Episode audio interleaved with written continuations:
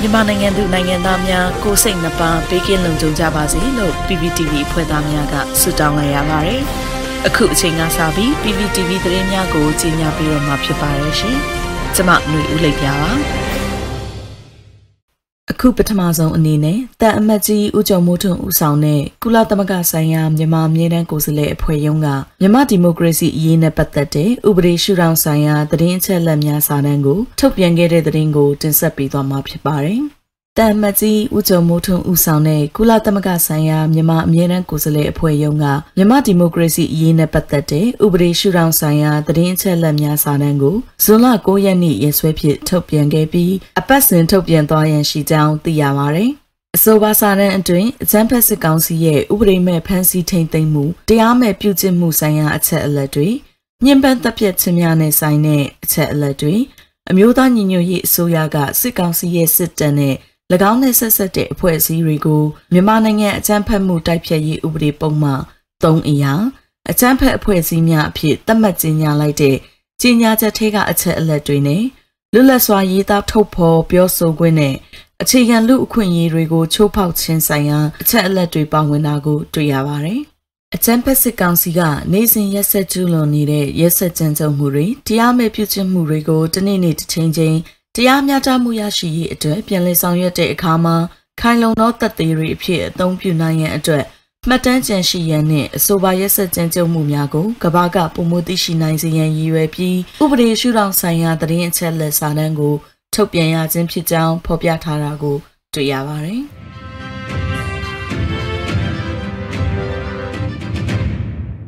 ဆက်လက်ပြီးပြည်အောင်စုသမရမြန်မာနိုင်ငံတော်အမျိုးသားညီညွတ်ရေးအစိုးရပြည်ထရေးနဲ့လူဝင်မှုကြီးကြပ်ရေးဝန်ကြီးဌာနက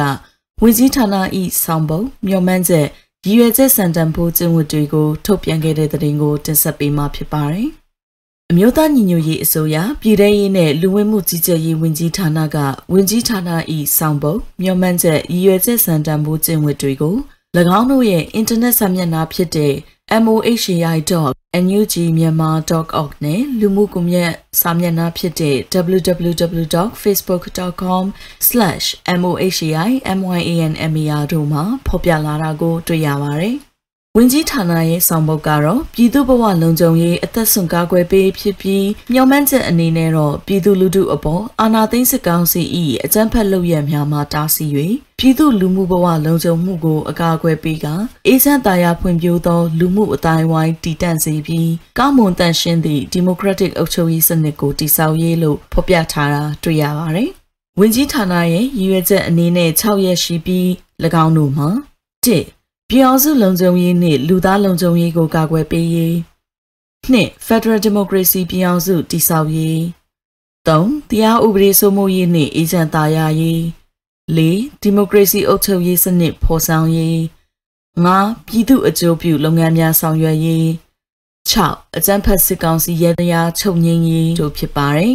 ။ဆွမ်းဆောင်ရေးပြည်မှုတန်ရှင်းမှုပွင့်လင်းမြင်သာရှိမှု တာဝန်ယူမှုတာဝန်ခံမှုတို့ကိုလည်းစံတန်မိုးလေးရဲ့အဖြစ်သတ်မှတ်ထားတာကိုတွေ့ရပါတယ်။ကျင့်ဝတ်တွေအနေနဲ့လည်းပြည်သူအပေါ်သစ္စာဆောင်သိမှုအဂတိတရားကင်းစင်မှုတာဝန်ကျေပွန်မှု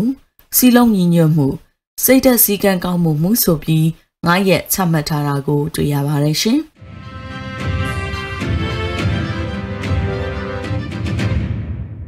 မြို့သားညီညွတ်ရေးအစိုးရလူသားချင်းစာနာထောက်ထားရေးနဲ့ဘေးအန္တရာယ်ဆိုင်ရာစီမံခန့်ခွဲရေးဝန်ကြီးဌာနကမိုးရာသီကာလတွင်ပြည်သူများအနေဖြင့်သတိပြုသင့်သည့်အချက်များကို ထုတ်ပြန်လိုက်တဲ့သတင်းကိုတင်ဆက်ပေးခြင်းပါတယ်။အမျိုးသားညီညွတ်ရေးအစိုးရလူသားချင်းစာနာထောက်ထားရေးနဲ့ဘေးအန္တရာယ်ဆိုင်ရာစီမံခန့်ခွဲရေးဝန်ကြီးဌာနကမိုးရာသီကာလတွင်ပြည်သူများအနေဖြင့်သတိပြုလိုက်နာဆောင်ရွက်ရန်အသိပေးပန်ကြားခြင်းကောင်းစဉ်နဲ့ အောက်ပါချက်တွေထုတ်ပြန်ခဲ့တာကိုတွေ့ရပါတယ်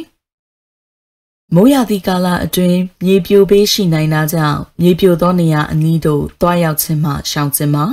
မြေပြိုထားသောပတ်ဝန်းကျင်အဆောက်အအုံလျှက်စစ်မိချို့တို့အနီးသို့တွားရောက်ခြင်းမှရှောင်ခြင်းမှာမြေပြိုခြင်းနှင့်အတူရေလွှမ်းမိုးခြင်းရွှတ်မြေနှုံးမြေများပြိုကျစီးဆင်းလာခြင်းတို့ဖြစ်ပေါ်တတ်သဖြင့်ဂယုပြုနေထိုင်မှာစတဲ့မြေပြိုပေးကိုကာကွယ်နိုင်ရန် တိပြုလိုက်နာဆောင်ရွက်တဲ့အချက်တွေကို ထုတ်ပြန်ထားတာတွေ့ရပါတယ်။နောက်ပြီးမိုးရာသီကာလအတွင်းမုန်တိုင်းပေးရှိနိုင်တာကြောင့်မုန်တိုင်းသတိပေးချက်ရလင်ရေအစာအစာအရေးပေါ်သုံးပစ္စည်းများနဲ့အရေးကြီးစာရွက်စာတမ်းများကိုမိမိနှင့်အတူထားပါမိုးလေဝသသတင်းများကို ကြည့်ရှုနားထောင်ပြီးအကြံပြုချက်များကို လိုက်နာပါဘေးလွတ်ရာနေရာသို့ပြောင်းရွှေ့ရန်လိုအပ်ပါက ပြောင်းရွှေ့ခိုးလုံးပါ မုံတိုင်းဗဟိုဖြတ်တန်းနေစဉ်အတွင်းခိတ္တလေးငိမ့်နေတော့လဲမကြမီအချိန်တွင်ဆက်ကျင်ဘက်အရက်မှပုံမှုပြင်းထန်သည့်လေများတိုက်ခိုက်နိုင်ကြောင်းသတိပြုပါရေကူးခြင်းရေတိတ်တွင်လမ်းလျှောက်ခြင်းမှရှောင်ခြင်းပါတရိတ်ဆန်များကိုချီနှောင်ထားခြင်းမှရှောင်ခြင်းပါလေမုန်တိုင်းအာရော့သွားခြင်းတွင်အိမ်အပြင်ထွက်ခြင်းမြေကမ်းနာကမ်းခြေကမ်းနဖူးသို့တွားရောက်ခြင်းမှရှောင်ခြင်းပါမုန်တိုင်းအနေနဲ့ကင်းရှင်းကြောင်းသတင်းထုတ်ပြန်သည့်အထိ ဘေးကင်းသောနေရာတွင် နေထိုင်ပါစတဲ့မုန်တိုင်းဘေးကိုကာကွယ်နိုင်ရန်သတိပြုလိုက်နာဆောင်ရွက်သင့်တဲ့အချက်တွေကိုလည်းထုတ်ပြန်ထားတာတွေ့ရပါတယ်ရှင်။